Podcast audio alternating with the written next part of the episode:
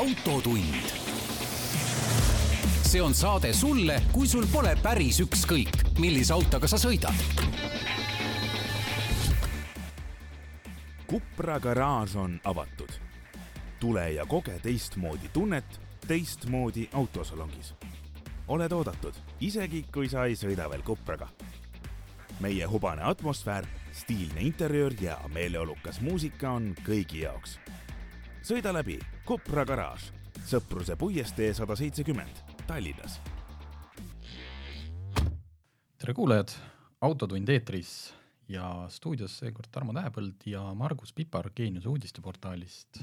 Ja Margus on kohustuslik osa saatest, kui juttu tuleb kasutatud autodest. Ja saate teises pooles me vaatamegi siis otsa järjekordsele Saksamaa tehnoülevaatuste tabelile mis kaasab siis äh, kümne aasta autot, kaks tuhat üheksa kuni kaks tuhat üheksateist, et äh, kes, äh, keda kõige rohkem tagasi saadetakse ja kellelt kõige rohkem vigu leitakse. aga enne seda üldiseid automaailma tähelepanekuid ja uudiseid ka.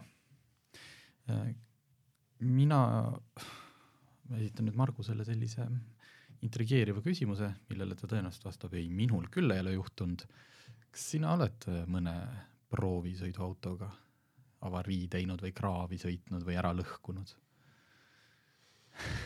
mm. jah, midagi tõsist ei ole olnud, kui ma hästi järgi mõtlen, siis äh, paar mingit väikest, väga väikest asja on olnud. mingit kriimu ma olen küll kunagi ühele autole peale teinud, aga rohkem midagi hullu ei ole juhtunud. jah, seda autoajakirjanikud oma erinevates podcast ides ja lugudes aeg-ajalt ikka, lugejaid ilmselt huvitab ja kuulajaid ja ma siis pean ka, et mina olen nüüd siis teinud seda kaks korda. esimene kord oli aastal kaks tuhat seitseteist, kui ma ei, ma mäletan, see oli niimoodi, et mul oli, Hendrik Roonemaa oli mulle teinud juba, ma olin siis olnud mõned kuud kaasautor Autogeeniuses, Hendrik Roonemaa oli teinud mulle juba ettepaneku tulla siia seda siis peatoimetama. meil oli, noh, kokkulepe oli sõlmitud, leping ei olnud veel alla kirjutatud. ja siis ma sain ühe pisikese sportliku auto täitsa neljaks päevaks, millega ma siis neljanda päeva lõpuks arvasin, et noh, ma olen ikka driftikunn küll ja nii see seal kraavis lõppes.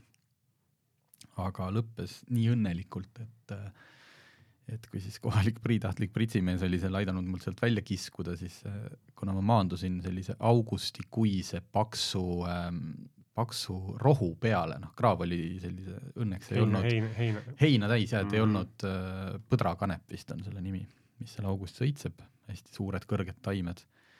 Õnneks ei olnud tegemist mingi eurokraaviga, mis oleks olnud sügav ja mind võib-olla katusele keeranud, et tõmbasime välja ja mitte ühtegi kriimu ei olnud autol. ainult põhi all oli natuke palju, ütleme, muru erinevates kohtades. kohe, kohe alguses nagu hoiatati, oli... hoiatati ära, et võib-olla sellepärast ma olengi äh, siin äh, kollegide seas tuntud kui maailma kõige ettevaatlikum autoajakirjanik, see ikkagi korralikult loksutas paika mm. -hmm aga miks ma sellest räägin, siis see nädalavahetus äh, juhtus see uuesti, aga õnneks äh, mitte sellepärast, et ma oleks äh, jälle kuskil oma võimeid üle hinnanud, küll aga noh, siin kehtib ikkagi täiesti ausalt see, et sõidukiirus tuleb valida ikkagi vastavalt teeoludele. ütlen kohe ära, et auto jäi jälle täiesti terveks, midagi ei juhtunud, oleks võinud ühesõnaga, ma olin oma iga-aastasel äh, korporatsioon Sakala suusamatkal saateauto, nagu ma viimased viis aastat olen olnud, sest ma avastasin, et suusatamise asemel on palju toredam autoga sõita ja oodata metsast neid äh, väsinud nägudega matkajaid, kellele siis äh, sooja teed ja küpsiseid pakkuda vaheajapunktides. seekord olin ma Volkswagen Amarokiga uuega, kolmeliitrine V6 diisel kuskil metsateel, et selles mõttes ma ei, ma ei tegelenud nagu mingi erilise, erilise kähkusõiduga, aga sellise hetk, kus noh, kes praegult maateedel sõitnud, sest teab, et maateed on sisuliselt või väga kõrvalteed on äh, klaasist, ehk siis kõik see lumi, mis sadas, sulas ära, muutus jääks ja jääks ta jäänud ongi. ja selle peale oli sadanud lumi. nii et ühel metsateel lihtsalt äh, kurv oli liiga järsk, isegi sellise kahekümne kilomeetrise sõidukiiruse jaoks ja noh, tegin pilti ka pärast, jäljed näitasid, noh lihtsalt auto läkski otse mm. -hmm. Õnneks oli sul jällegi nagu õige auto, millega, millega nagu teelt natukene välja sõita. et eh, noh, ninapidi niimoodi siis teelt välja seal metsa all ja eh, noh, natuke muretsesin, sest eh, suusamatkurid tahtsid järgmises peatuspunktis suppi saada, mitte lihtsalt küpsiseid, vaid oli lõunapaus ja ma olin just selle supile järgi minemas. ja siis mul esimene mõte ei olnud isegi see, et issand jumal, et kas nüüd auto jäi terveks, vaid see, et nagu kogu graafik lendab nüüd äh, metsa, sellepärast et kui ma siit ise välja ei saa, siis peavad sealt kangemad sportlased suusatama kilomeetri lisaks minuni, et mind sealt välja aidata. pluss siis ma alles lähen seda suppi tooma.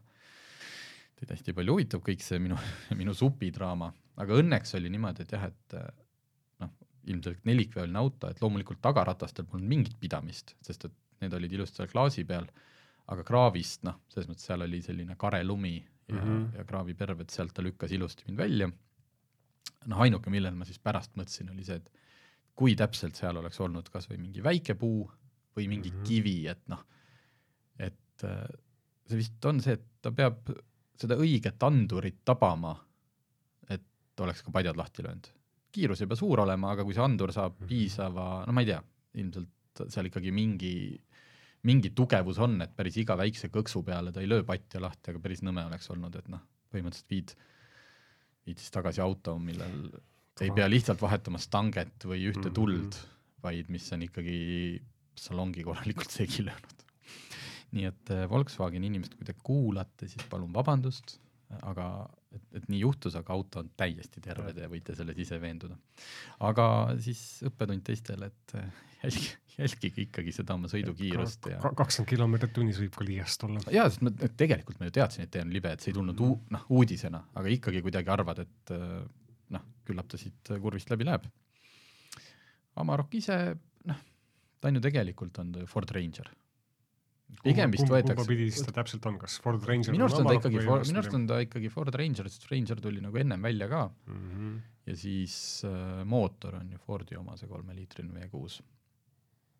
aga võib-olla mõnes saates on aega sellest pikemalt rääkida, et ega ta ühtegi noh, sihuke halba emotsiooni seal ei tekkinud, mis, mis muidugi erineb Fordist, on see, et see Fordis on olemas päris kliimanupud, Amarokis on äh, ikkagi, tuleb ekraanilt äh, omal temperatuuri sättida. ja siis üks naljakas, naljakas tänapäevane viga, tarkvara viga, mis pidi olema praegult paljudel või noh, ma ei tea, kas siis kõigil Amarokidel, mis tulevad, noh, tõenäoliselt on ühe tarkvara uuendusega parandatav, aga ta ei oska keskmist kütusekulu arvutada. ehk et kui ma hakkasin Tallinnast minema, siis äh, oli mu keskmine kulu siin linnasõidul oli üheksa, üheksakümmend üks sajale ja, ja kuskil lõun, ei sinna, me olime äh, Kauksi kandis seal Peipsi ülemises otsas, sinna jõudes olin ma sulle su selle suutnud sõita neljakümne seitsme peale keskmise. Alguses päris nagu hirmutamine, hirmutav tunduda, eks ole, et et kas jõu-, kas jõuan sinna Peipsi äärde kohale või vahepeal paar korda tankima. eks ta reaalne muidugi oli kuskil kümne kandis, et äh, lihtsalt, lihtsalt naljakas, et kuskil on üks koodirida, noh kuskil on mingi Ei. jagamismärk või et ma eeldan, see tarkvara viga, mitte et kuskil päriselt mingi andur, noh see ei saa kõigil ju olla. et siuke naljakas äh, juhtum. just sellega seoses mulle, kuulasin äh, eile järjekordset Ameerika podcast'i, kus nemad äh, ma ei ole seda uudist nagu välismeedias näinud, see oligi nagu siuke kõlakas, mida nad kõik seal uurisid ja küsisid, et sisuli-, et mingi kogus Porschesid ja üh- ühtlasi siis Volkswagen Grupi autosid, mis peaks Ameerikasse minema, seisavad lihtsalt sadamates ja probleemiks on see, et seal on kasutatud mingit kiipi, mis on toodetud Valgevenes, aga Valgevene teadupärast on sanktsioonide all. Ja noh, nüüd ongi see, et äh, kujuta ette, kui nad ei, kui nad ei lahenda seda nii-öelda paberil ära, ma ei tea mm. -hmm. et äh, Volkswagen Grupp tõestab, et need kiibid on ostetud enne, enne sanktsioonide alla minekut või et nende Jah. partner neile kinnitas, et noh, mis iganes, kuidas, et noh, et mina ei tea, et kas peale Dieselgate'i Volkswagenis, noh, kas nad tõesti tahavad ja. Riskida järjekordse nagu mingi ja. pauguga lihtsalt sellepärast, et neil oli noh, kiirelt vaja kiipe ja siis otsustati, et toome mingit halli rada pidi.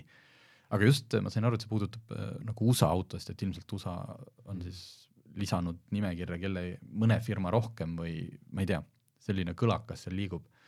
aga kujuta ette, kui siis äh, nemad seal podcast'is arutasid, et noh, kui seda paberil korda ei õnnestu saada, siis tähendab seda, et kuskil sadamates peab see Volkswagen või siis Porsche või noh, ühesõnaga, mis mm -hmm. vastavalt margile püsti panema siis oma mingid minitöökojad, kust kõik need autod siis läbi lähevad ja kiibid välja vahetatakse või et noh, et korralik clusterfuck on nagu, kui see päriselt tõele vastab. et automaailm ja tehnoloogia pead teadma, kust su asjad tulevad. okei okay,, aga ei, kokkuvõttes oli see väga sümpaatne, see Amarok ja sümpaatne just selles mõttes, mis siin on, et nagu saadi aru, et vist öko, öko mõttes ei ole nagu vahet, et kas sa topid sinna suurde autosse, raskesse, mis peab tegema noh, ütleme Euroopas kastikaid pigem ostetakse ikkagi tööautodeks mm, -hmm. mitte, mitte elustiiliautodeks, millega pereema käib poes. et kas on mõtet panna sinna mingeid väikseid, eks ju, kaheliitrisi mootoreid, mille noh, mis peavad siis töötama, eks ju, palju suurema ressursiga. suurema koormusega. suurema koormusega ja, ja kasutama rohkem ressurssi kui tegelikult äh, võib sinna panna kolmeliitrise V6 diisli ja ilmselt tulemus on täpselt sama, aga, aga, aga veidral kombel jah, et nii Ranger kui Amarok nüüd selle suure mm -hmm. mootoriga tulevad. kusjuures see on nagu juba paari aasta vältel mujaltki olnud niimoodi, et äh, väikse töömahuga mootorid on jälle suuremaks hakanud muutuma, et äh, täitsa tervitatav trend minu meelest jah, mitte ja siin ei olegi noh, ma ütlen, siin ei ole see, et siin istuvad nüüd kaks nagu autofanaatikut mm, -hmm. kellel on vaja kõik maailma hobujõud sealt kätte saada, vaid see on lihtsalt väga loogiline, noh. mikromootor ei jõua teha, noh, vajab palju rohkem äh, ressurssi selleks, et teha sedasama, mida teeb suurmootor. aga siia kohe nagu sobikski otsa üks, äh, üks uudis, uuring äh, sarjast Uuring, mis ei üllata mitte kedagi, aga ometigi see tehti Euroopa Transpordi- ja Keskkonnaföderatsiooni uurimus, et Euroopas hakkavad linnamaasturid probleemiks muutuma, sest nad ei mahu standardsetele parkimiskohtadele ära. ehk et iga paari aasta kohta lähevad autod ühe sentimeetriga laiemaks. ja see tähendab seda, et keskmise uue auto laius on juba üle ühe koma kaheksa meetri, mis klapib õige napilt standardse parkimiskohaga näiteks X5, X6, kõik sellised on ka üle kahe meetri laiad juba mm.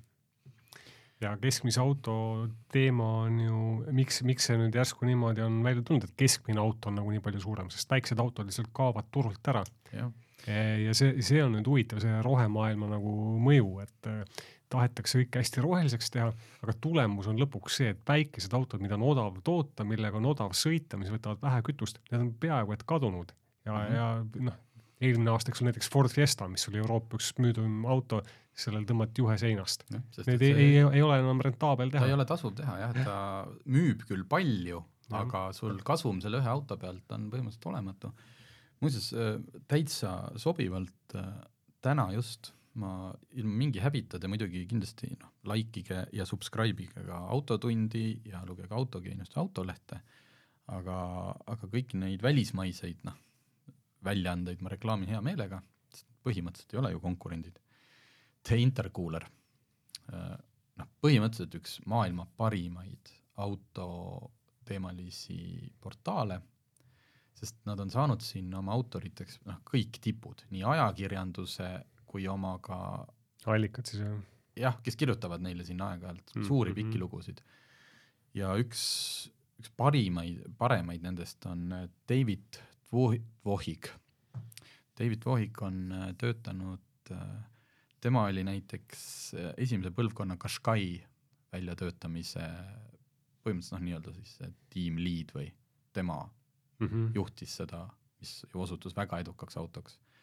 siis Alpine sada kümme on David Vohigu mm -hmm. noh, ei saa öelda kätetöö, sest seal taga on tohutu tiim, aga jällegi tema nagu äh, vastutus oli selle te, auto te,. tema tiim siis? ühesõnaga väga sügavalt automaailmas sees, kirjutab hästi, aga teab ka seda tausta, mis toimub. ja just täna avaldas ta The Intercooleris äh, väga kihvti või valgustava loo, nad teevad seda küllaltki lühidas formaadis hästi selgelt, et äh, kaks tuhat, et miks need autod on saanud nii suureks minna, et kuidas see, et noh, kuidas nagu autofirmadel kui meil on juba kaks tuhat üheksa oli eesmärk, et noh, kütusekulu mm, -hmm. saaste, keskkond, et äh, kuidas siis regulatsioonid lubavad toota aina suuremaid ja suuremaid autosid. ja ta ütles aastal äh, kaks tuhat üheksa võeti vastu üks Euroopa Liidu äh, seadus, ma ei tea, kuidas nüüd täpselt, no mingi direktiiv. direktiiv, Mm -hmm. kus äh, nende samade autode puhul, et töötati välja üks valem, mis töötab nagu kogu sellele projektile selles mõttes vastu, et mida suurem auto, siis tekkis nagu koefitsient, et ta võibki rohkem ka kütust kulutada ja heitmeid toota, ilma et sealt trahvid tuleks. ehk et mida rohkem auto kasvab, seda suurem on tal, seda rohkem tohib ta CO2. CO2 ehitada, mm. -hmm. mis on täiesti idiootne, sest et see ei olnud ju asja point Mm -hmm. ja kusjuures ta toob ka sellel, mis siis sellele eelnes, kahe tuhandendatel, ega ükski Euroopa direktiiv ei sünni ühe päevaga. ja ta ütleb, et seal käis väga tõsine andmine ja lobitöö siis Saksa autotööstuse ja Itaalia ja Prantsuse vahel. Itaalia ja Prantsuse loomulikult lobistasid väiksemaid autosid, et ühesõnaga, et sellist erisust ei tuleks, vaid et ongi, olekski Mhm. nagu see, see joon oleks lame, ehk et, et seal ei ole mingit koefitsienti. kui sul on suurem auto, siis sa peadki maksma rohkem trahvi, noh, kui ta ehitab rohkem heitmeid. ja sakslased siis muidugi noh, nende autod suuremad, raskemad, luksus, luksusautode pealt sa teenid kõige rohkem marginaali ja, ja sisuliselt äh, selle, noh, selle lahingu sakslased võitsid, eks sakslased ole. võitsid, et selles mõttes noh Mhm., ei ole neil midagi ette heita, sest ega, ega autotööstuse esimene eesmärk on teenida kasumit, mitte nagu teha häid autosid või häid, mitte häid autosid või päästa või- maailma, et noh, see on nende enda rohesõnum, mida nad igas oma jumala pressiteates äh, räägivad, aga eesmärk on teenida omanikele kasumit. ja selles mõttes kogu see lobistamine, see on ju täiesti noh, igapäevane asi, see ei ole midagi ebaseaduslikku, lihtsalt sakslased võitsid selle ja surusid läbi, et suurem auto võib ehitada rohkem CO2, ilma et mingeid trahve tuleks. ja sellepärast me praegult sellises olukorras olemegi, et ja, ja David Voig ütleb ka hästi sõbralikult välja, et ega see ennem ei muutu, kui see seadus ei muutu. ehk et kuniks me ei hakka trahvima, see, see natuke seda vahepeal muudeti, et see koefitsient läks väiksemaks, aga see on siiani alles. ja sellepärast noh, ka ilmselt need väikeautod ei ole enam, ei olegi rentaablid, et sa, et, et suure auto pealt saad sa rohkem kasumit ja, ja pead vähem trahve ka ikkagi maksma nii et mõelge sellele, aga jah, soovitan seda Intercooleri artiklit, et äh, see näitab täpselt ära, et kui, kui edukalt ja hingega Euroopa Liit siis tegelikult seda rohepööret ajab või siis ajas kaks tuhat üheksa, et lihtsalt võtku see üks seadus ja muutku see ära. Ja olekski juba see pööre palju rohelisem, just, kus, kus tuleks nagu tegelikult tuleks see mõju. jah, just. vot ja jube hästi, tundub, täna oleks justkui nagu sa saadet ette valmistanud. kõik äh, teemad kõik ette teemad pannud, eks ole, jah. kokku. tulid jaanuari automüüginumbrid.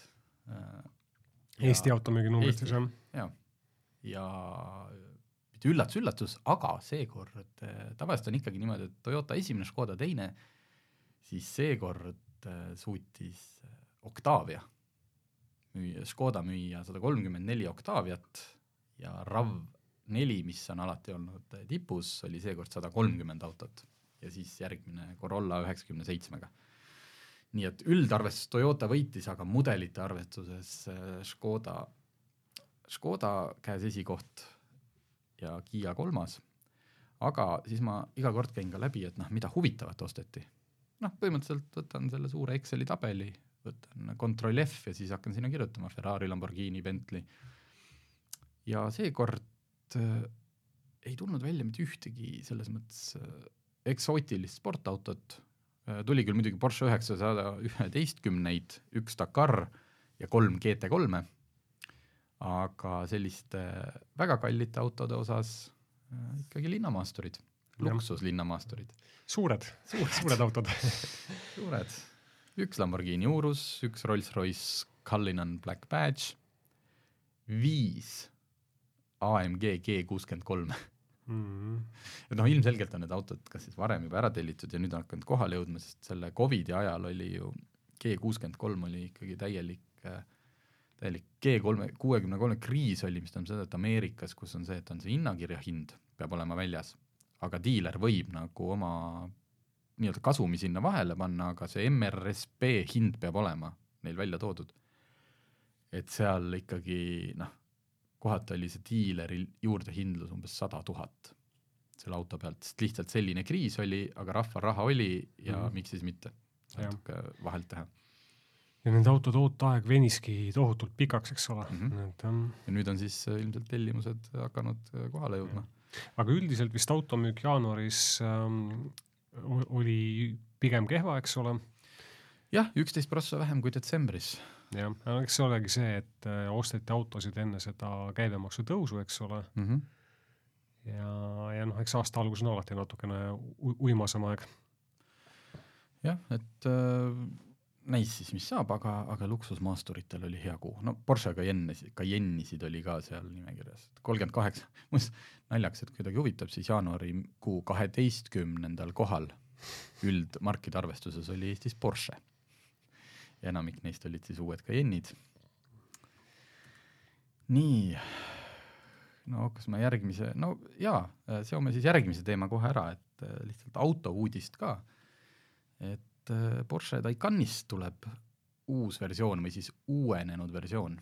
ehk siis facelift, aga, aga mitte lihtsalt, et äh, muutsime natuke tulede kuju, vaid ikkagi, ikkagi päris korralikult uuendusi, kellele numbrid meeldivad, siis Taycan Turbo S ehk siis see kõige võimsam versioon suudab nüüd siis hetkel, noh, teatud aja jooksul, mitte küll pikalt, välja anda ühised üheksasada viiskümmend kaks hobujõudu, seitsesada kilovatti, mis on äh, päris palju. see on äh,, ma imestan, et Porsche insenerid ikkagi või, või siis äkki tegelikult on ju pikalt nagu tehtud mingeid neid äh, spai- äh,, spioonifotosid, et Taycanist justkui tuleks ka mingi GT või nagu veel karmim versioon mm. -hmm ma arvan, et sinna on siis äkki hea see hobujõu number üle tuhande ajada. et, et sellepärast jäeti tavalisel Turbo S-il see nii väikseks, jah, et tegelikult on seal tõesti, neil oleks üsna lihtne see üle tuhande oleks teha olnud, et selles mõttes on su loogika nagu täitsa või, võib õige olla. aga noh, muidugi see kiirendusnäitajad, mis sellega kaasas käivad, need on ikka täiesti jaburad, et ähm, jah.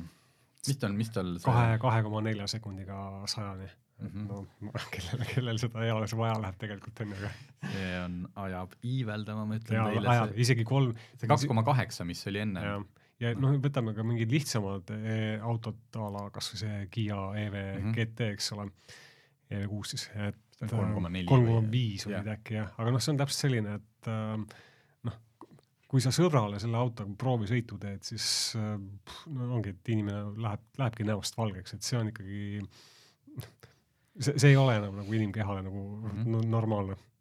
aga selles mõttes olulistest asjadest, et kõvasti sai juurde sõiduulatust, et äh, Porsche paar päeva enne Taycani avalikustamist tegi ka väikse nii-öelda diiseri, et äh, kaksteist ajakirjanikku, noh loomulikult äh, mõnusas Los Angelese piirkonnas, vist oligi LA-st San Diegosse, testisid, jah, muidugi kliima on teine, hetkel ei ole seal ka väga kuum, nii et äh, ilmselt ka kliimaseade ei töötanud täisvõimsusel, aga noh, kütma loomulikult ei pidanud.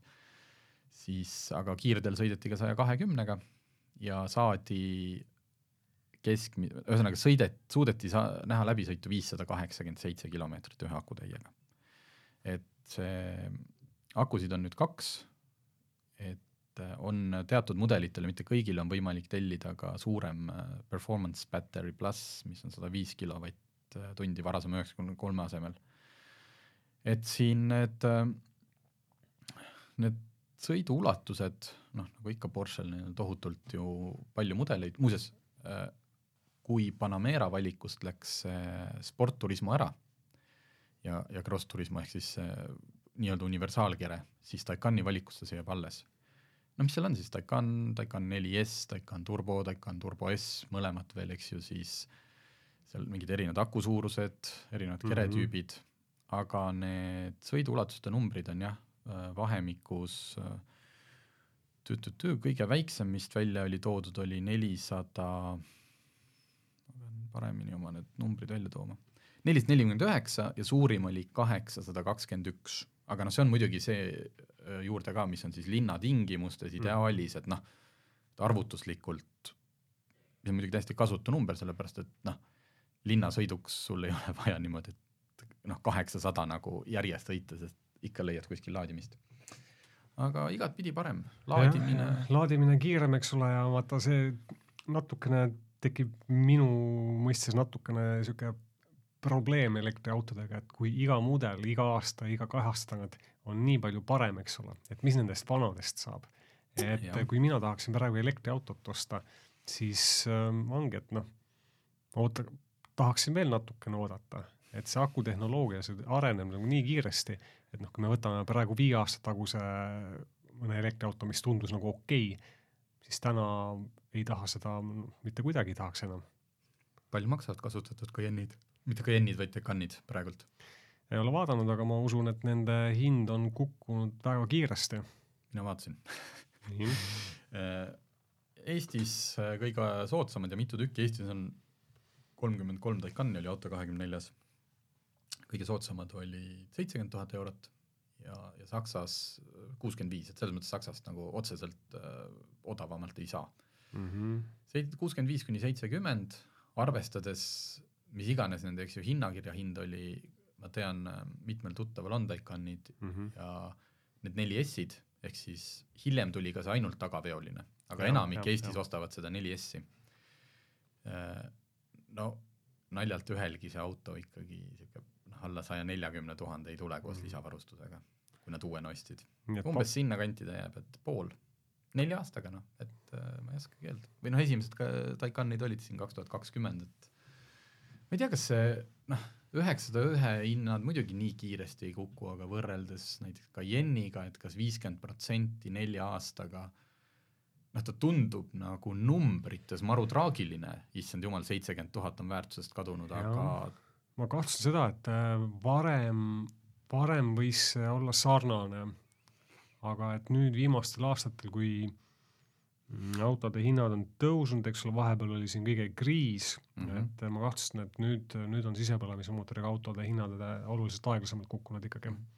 ja noh, eks ta seal on, et selle, ma tegelikult täitsa usun, et selle nelja aastaga selle konkreetse Taycani näiteks aku mahutavus ei ole muutunud, lihtsalt ta oligi nagu noh, oligi natuke vanem tehnoloogia, et ta ei Just. ole nii suure läbisõidu või sõiduulatusega nagu on uuel Taycanil. Et ma nagu aku tervise pärast äh, nelja aasta vanusel autolt küll nagu ei muretseks, pigem lihtsalt ongi see, mis sa välja tõid, et noh, et ta ei Mm. ole kõige uuem tehnoloogia jah, et uuem tehnoloogia lihtsalt on, on parem tehnoloogia. aga õnneks vähemalt Taycan tuli juba kohe selle kaheksasaja voldise elektrisüsteemiga mm, -hmm. et ta nagu juba turule tulles oli tegelikult äh, tolle Jah. hetke kõige kõvem sõna akutehnoloogias. et see, see lohutab. Taycani mehi, aga noh, paljud teised, kes äh, ostsid äh, toona omale elektriauto, need ilmselt vaatavad uusi autosid, et küll on kuri või mäge, et tahab. ja üks, üks kiire uudis, õigemini järeluudis, siin midagi arutada ei olegi, et äh, kes on siin püsikuulaja, see teab, et sügisel käis stuudios äh, Transpordiametist äh, Alo Kirsimägi, kes äh, tutvustas meile toona siis seda, mis septembri lõpus, oktoobri alguses toimus Eestis korraks keskmise kiiruse kaamera pilootprojekt. Keegi trahvi ei saanud, kellegi andmeid ei salvestatud, see oli lihtsalt testimaks, et kas on võimalik saada need praegused äh, putkad ja statsionaarsed kaamerad tööle ka nii-öelda keskmist kiirust mõõtma ja mis siis tegelikult teedel toimub, et mis see, mis see keskmine kiirus meil tegelikult on. tulemused pidid selguma novembri lõpus või teises pooles, küsisime järgi, et mis järeldused tehti ja vastus oli kiire ja lakooniline, et äh, kahjuks hetkel ei ole veel seda tulemust võimalik avalikustada, sellepärast et me alles analüüsime. et oli öeldud, et osutus oodatust keerukamaks ja, ja ennem siis, ühesõnaga, kui see analüüs valmib, siis kõigepealt esitatakse see liikluskomisjonile ja siis, siis ilmselt ka avalikkusele. nii et kui te mõtlete aeg-ajalt maanteel sõites, et mis sellest keskmise kiiruse projektist sai, siis hetkel on see analüüsimisel ja kohe, kui saab valmis, siis me loomulikult räägime sellest kõvahäälselt ja kirjutame autogeenuse portaalis. nii, aga äh, tunnen juba oma häälest, et olen äh, esimesed kakskümmend üheksa minutit põhimõtteliselt üksi rääkinud annan nüüd Margusele ka sõna ja võtame ette selle Saksamaa tehnoülevaatuste tabeli. ma, sina kui kasutad autode spets ja kõik, et kas, kas sa seda tead, et kas see Saksamaa, noh, tegemist ei ole ju nii-öelda ostueelse ülevaatusega, kus logistatakse kõik läbi, see on ikkagi seesama nagu meil, sa lähed täpselt... kohale, aga kas, kas ta on kuidagi neil karmim? Või põhimõtteliselt kui nüüd Transpordiamet võtaks, ta võiks ju ka mm -hmm transpordiamet ma... võiks ka ju Eestis anda välja Eesti auto, Eestis olevate autode kohta täpselt samasugust kusjuures äh, kunagi anti, millegipärast nüüd viimased aastad äh, ei ole mina seda küll näinud, aga kunagi anti seda infot äh, ka Eestis välja. Aga üldiselt jaa, tegelikult on ju asi samasugune tehnoülevaatus, nagu meil siin tehakse. et kõik logistatakse läbi? logistatakse läbi, mõõdetakse heitgaase vaadatakse, kas on lekkeid, kontrollitakse esitulesid, ehk et ähm, sarnane, sarnane tehnoülevaatus nagu meilgi, et, et ehk teisisõnu, need andmed, mida Saksamaalt me saame, on üsna hästi Eestisse ülekantavad. küll väiksed erinevused on sellega, et noh, Eestis on kliima mm, ja teeolud sellised, et eh, kindlasti on meil siin roosteprobleeme rohkem Äh, tõenäoliselt on meil ka veermiku probleeme rohkem ja piduriprobleeme ehk ja, ja veel, veel oluline asi, Eesti autod on oluliselt vanemad mm. -hmm. ehk et ähm, kuigi ka Saksamaal nad on aina rohkem ärevil, et, et nende autode keskmine vanus tõuseb. et äh, paari siin kümne-viieteist aastaga vist on see mit-, kolme aasta võrra on nende autod nagu keskmiselt vanemaks läinud. ja noh, selle tõttu on ka tehnoülevaatused tulemused kehvemad mm. -hmm. nii et kui me võrdle, saaksime võrrelda Eesti ja Saksamaa statistikat, siis kindlasti on meie autod ol, oluliselt kehvemas korras kui, kui nende autod. jah, ja miks me seda Saksa tabelit jagame, esiteks noh, sest on, nad on suure töö ära teinud, aga teiseks on see, et lihtsalt see valim on seal nii tohutu suur, et mm, -hmm. et loomulikult on siin noh, ma ei tea, võtame mingid viimased kohad, eks ju, ma ei tea, mis on mingi Dacia ja siis kindlasti on mõni Dacia omanik ja mul, ma ütlen, mul oma, oma peres on äh, olnud üks väga suure läbisõiduga Dacia Duster, kakssada viiskümmend tuhat ja noh, ei ole põhjust olnud kurta, et, et mm, -hmm. et siin noh, et kõik, kes nüüd kuidagi solvuvad, kui me siin mõned mudelid välja toome ja ütlevad, et aga mul küll midagi ei ole, siis Margus kohe võib ka ära põhjendada, miks see võib-olla nii on, aga see on just see sama, et kui tihti sa sinna ülevaatusele, et kõik see hoolduste teema aga et siin lihtsalt see valim on nii suur, et me räägime miljonitest autodest, see on statistika. jaa, see on see on nagu tegelikult on see väga muljetavaldav värk, et seal ju kontrollitakse, see andmestik on tehtud eh, enam kui kümne miljoni auto põhjal mm. -hmm. kõikide autode tulemused lähevad suurde tabelisse kirja, kus sa analüüsid, eh, masinimesed analüüsib need siis läbi, eks ole, ja noh, ikkagi ülisuured vahed tulevad välja et äh, siin mõnel autol leitakse veermikus äh, sama vana auto täpselt leitakse kümme korda rohkem vigu kui mõnel teisel autol mm -hmm. äh, noh mudelite lõikes siis, eks ole. et äh, ja kui nii on, no kuidas sa saad siis öelda, et ühe auto veermik ei pea vastu ja te, noh, kui nad ütlevad, et peab vastu, siis ta ikkagi on oluliselt vastupidavam kui, kui teise auto veermik no.. jah, nii et selles mõttes ärge solgu, et noh, et kui teil on väga hästi vastu pidanud, siis, siis ühtepidi palju... see näitab seda, et te olete väga hea omanik ja siin noh, miks ma sulle viskasin nagu selle palli, et äh, jõuame kohe, me tegime sellest ka varem loo, et äh, põhimõtteliselt äh, vastupidavuse lõpuotsas, lõpuotsa ilmus uus mudel mm -hmm. ja selleks on kõigi poolt palavalt armastatud Tesla Model kolm ja sul on siin välja toodud mm -hmm. ka üks väga loogiline põhjus, miks ta seal on. jah, no tulemus on jah see, et ähm, kõige uuemate autode vanusegrupis, mida siin sakslased nüüd kajastavad, ehk et kaks tuhat üheksateist, kaks tuhat kakskümmend aasta autod, siis äh, Tesla Model kolm hmm, kukkus läbi, neliteist koma seitse protsenti autodest kukkus läbi ja see on umbes kolm korda kehvem tulemus kui nii vanade autode puhul mm -hmm. keskmiselt. Äh, ja sellel tegelikult noh, on mitu põhjust Tarmo jah, vihjas juba sellele, aga üks üliloogiline põhjus on see, et äh, Teslal puudub äh, kindlaks määratud hooldevälp. kui siin tavaline on see, et käiakse autoga kord aastas käiakse te, äh, hoolduses, siis ju vaadatakse selle auto alati üle, leitakse mingid vead, parandatakse ära ehk et sa saad korra aastas, saad jälle täiesti korras auto ja sa lähed tehnoülevaatusele ja ongi loogiline, et kui sa just oli see auto korras või hoolduses käinud, eks ole, siis, siis ta saab ka tehnoülevaatuselt ilusti läbi. Aga kui Tesla või ka mõni teine mark, kellel mõnel võib-olla tehakse kahe aasta tagant hooldusi, neid vigu, vigu üles ei leita ära ja parandata, auto võib-olla ise ka ei anna märku, et noh, sa ei teagi, et sul seal midagi võib katki olla.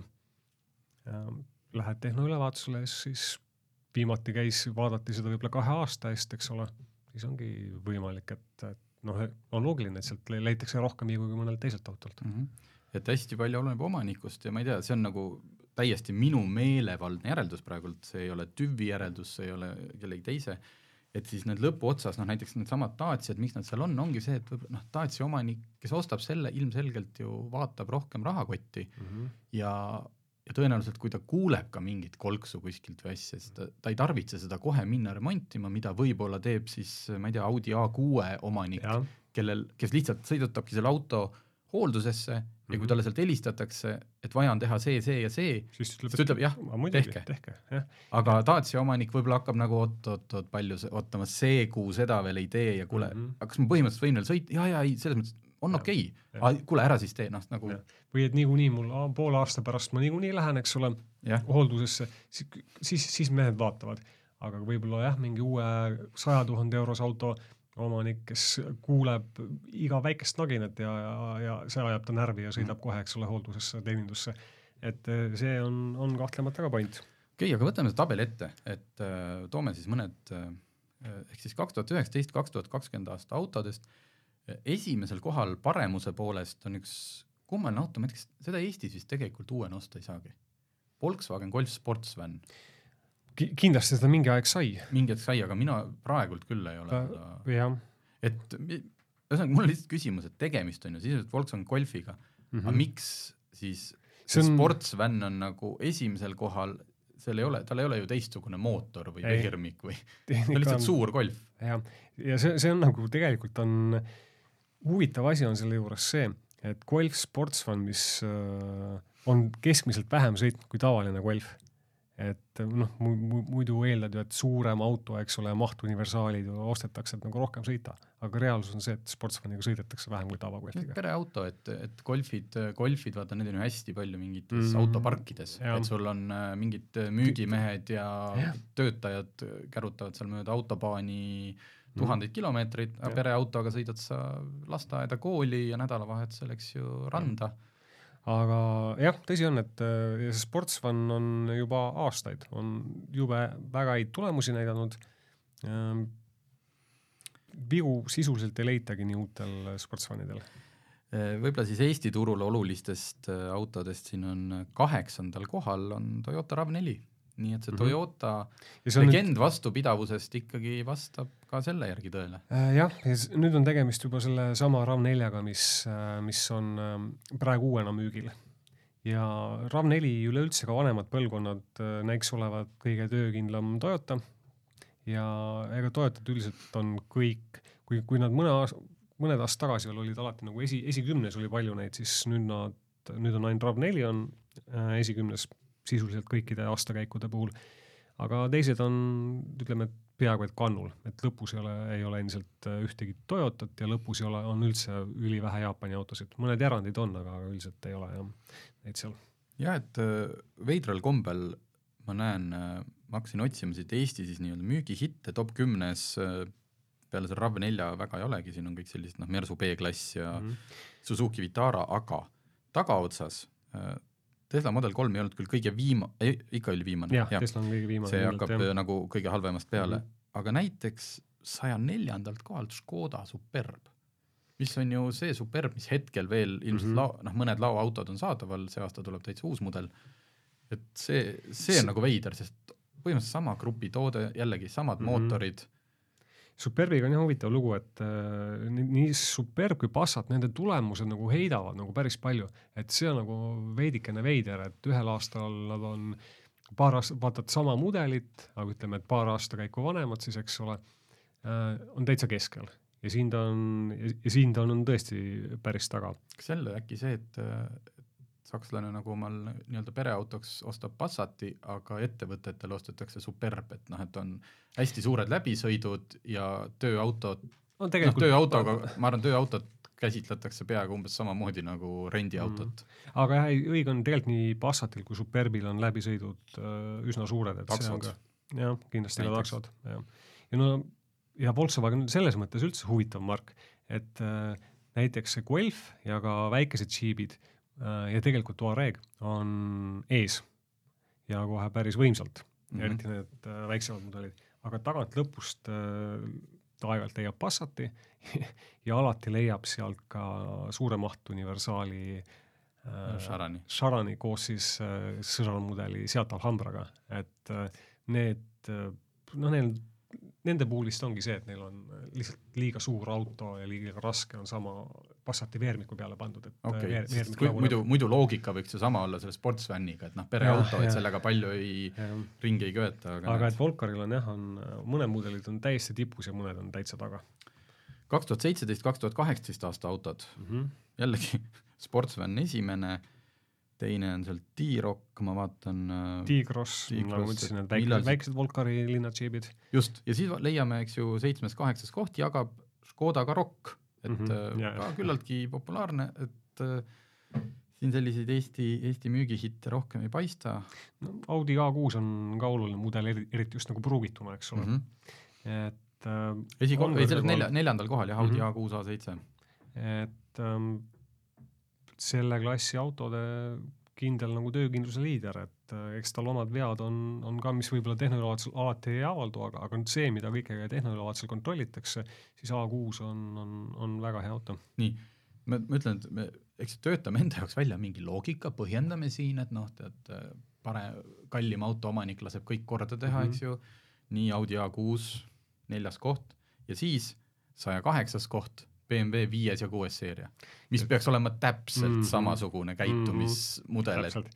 ja kõige viimane on siin kaks tuhat seitseteist, kaks tuhat kaheksateist aastal on BMW X5. nii et ütleme nii, et ja siin teistel aastakäikudel on umbes sarnane loogika, et suured BMW-d, no ütleme, et need saadetakse ikka liiga tihti tehnoülevaatuselt remonti otse. Mis kasutatakse teist, et ikkagi ongi need BEM-i juhid või, või sest et see X5, kui me avaldame mm -hmm. Mhm. oma kasutatud autode lugusid, just ju tegime X5-st sellest samast põlvkonnast mm. -hmm.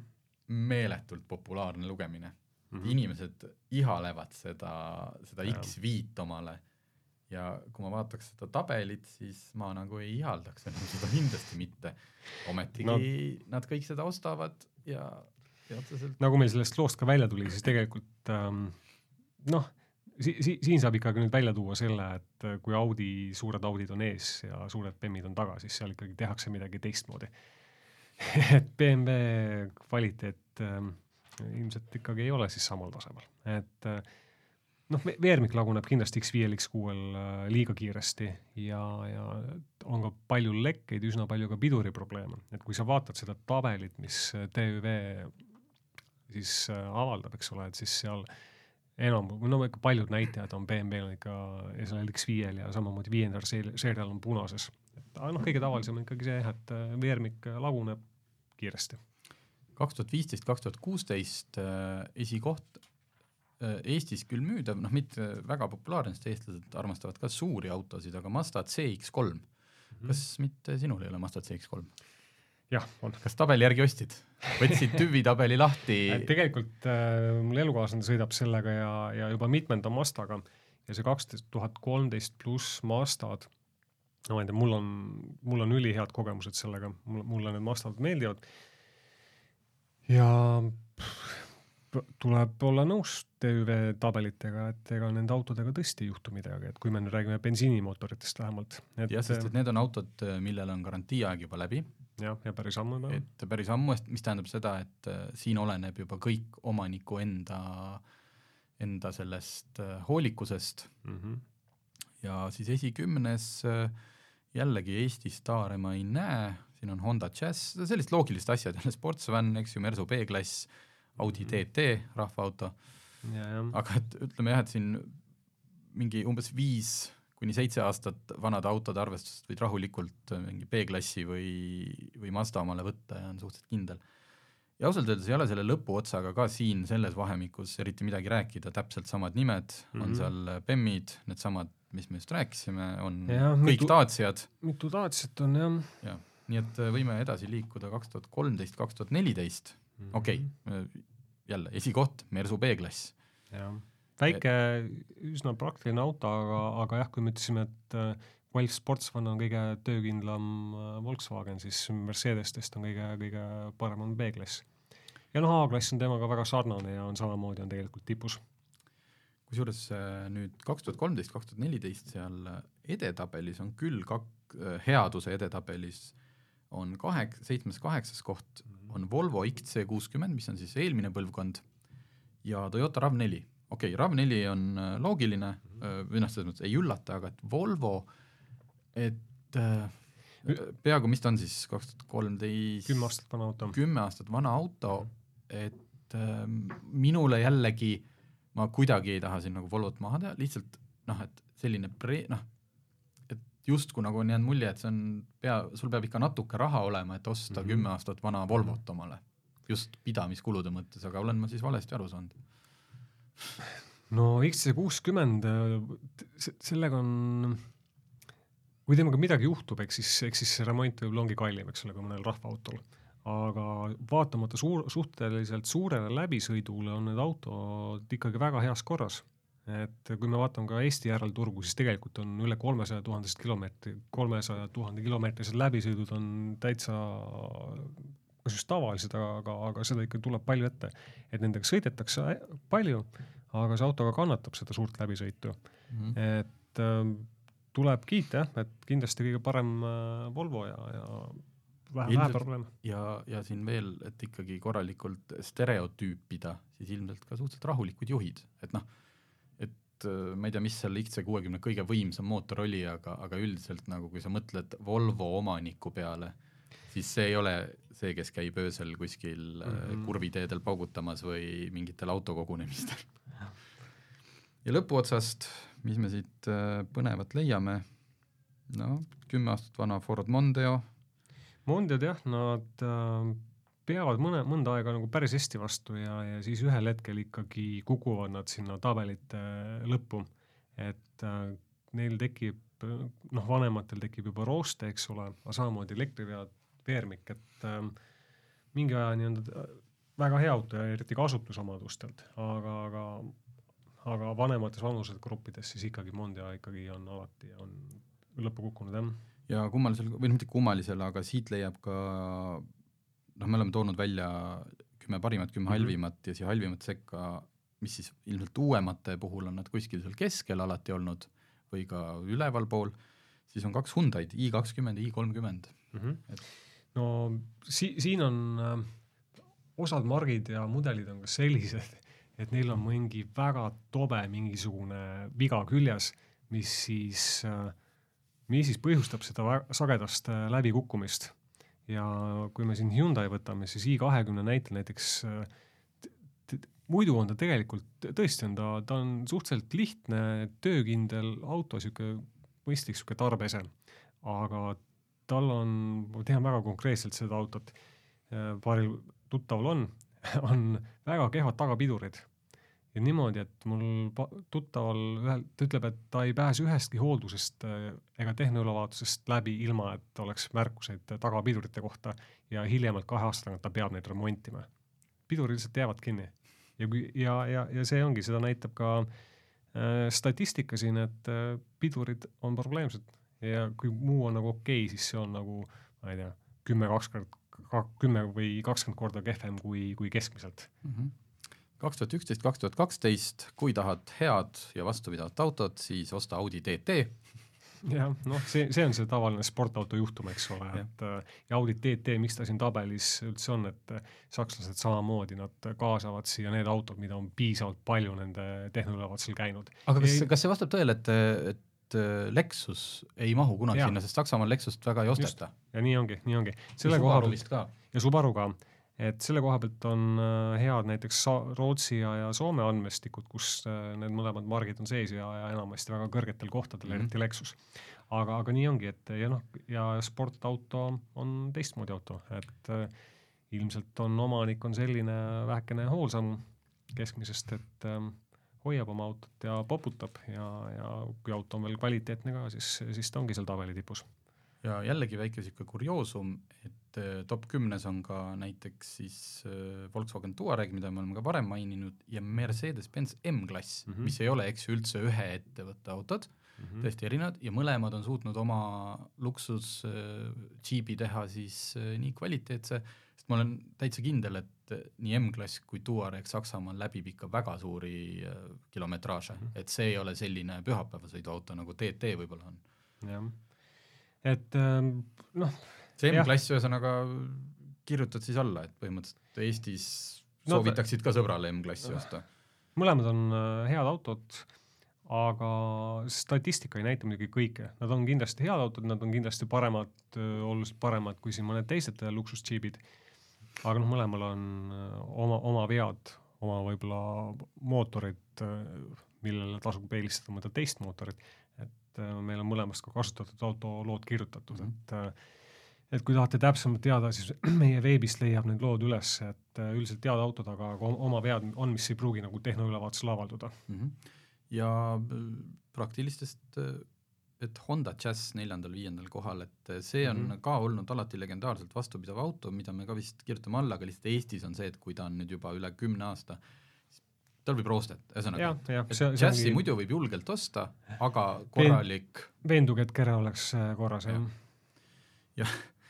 top äh,, anti-top kümnes siis äh, vaatasin, viskasin pilgu peale ja ainult Prantsuse ja Itaalia tooted mm. -hmm. -hmm. No ta, Dacia nimetame Prantsuse tooteks, sest see on tegelikult Renault, Renault tehnoloogia.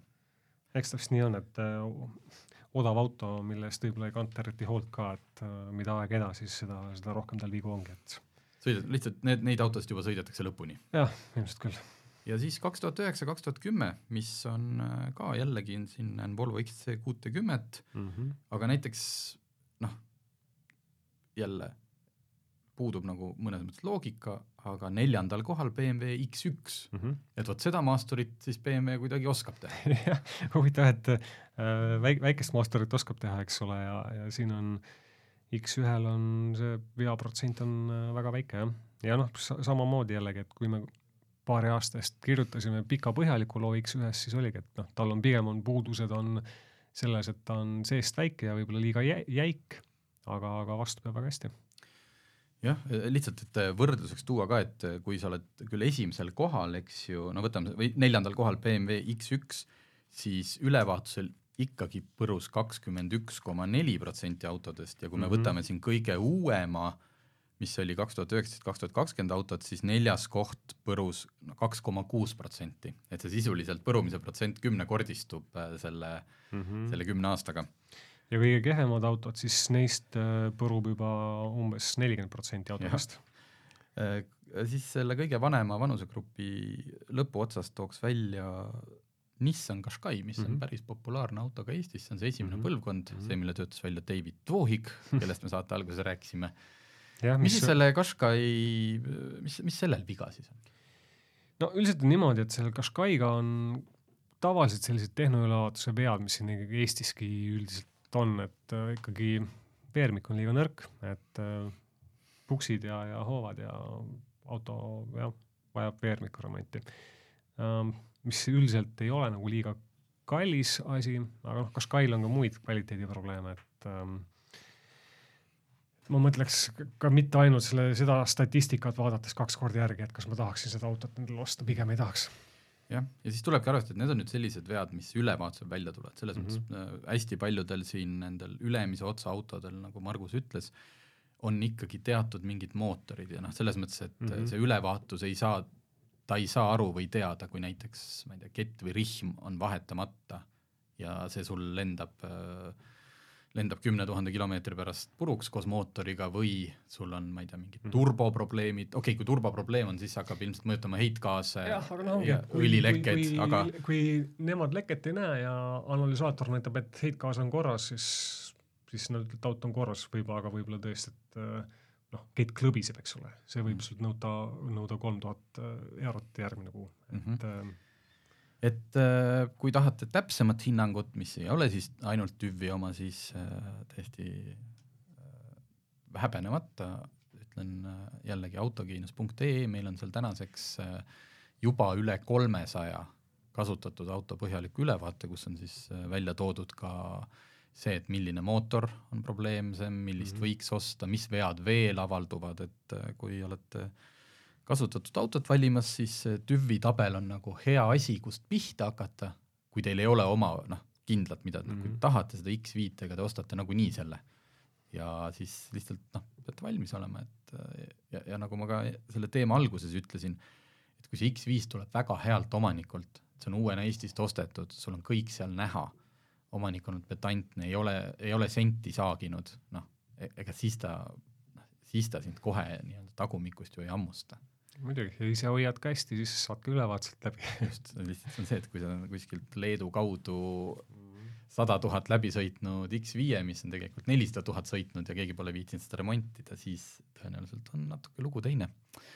vot, aga saade sai seekord selline äh,, väga praktiline ja minge siis äh, lugege neid kasutatud autode lugusid interveebist. Kupra garaaž on avatud. tule ja koge teistmoodi tunnet teistmoodi autosalongis. oled oodatud, isegi kui sa ei sõida veel Kupraga. meie hubane atmosfäär, stiilne interjöör ja meeleolukas muusika on kõigi jaoks. sõida läbi Kupra garaaž, Sõpruse puiestee sada seitsekümmend, Tallinnas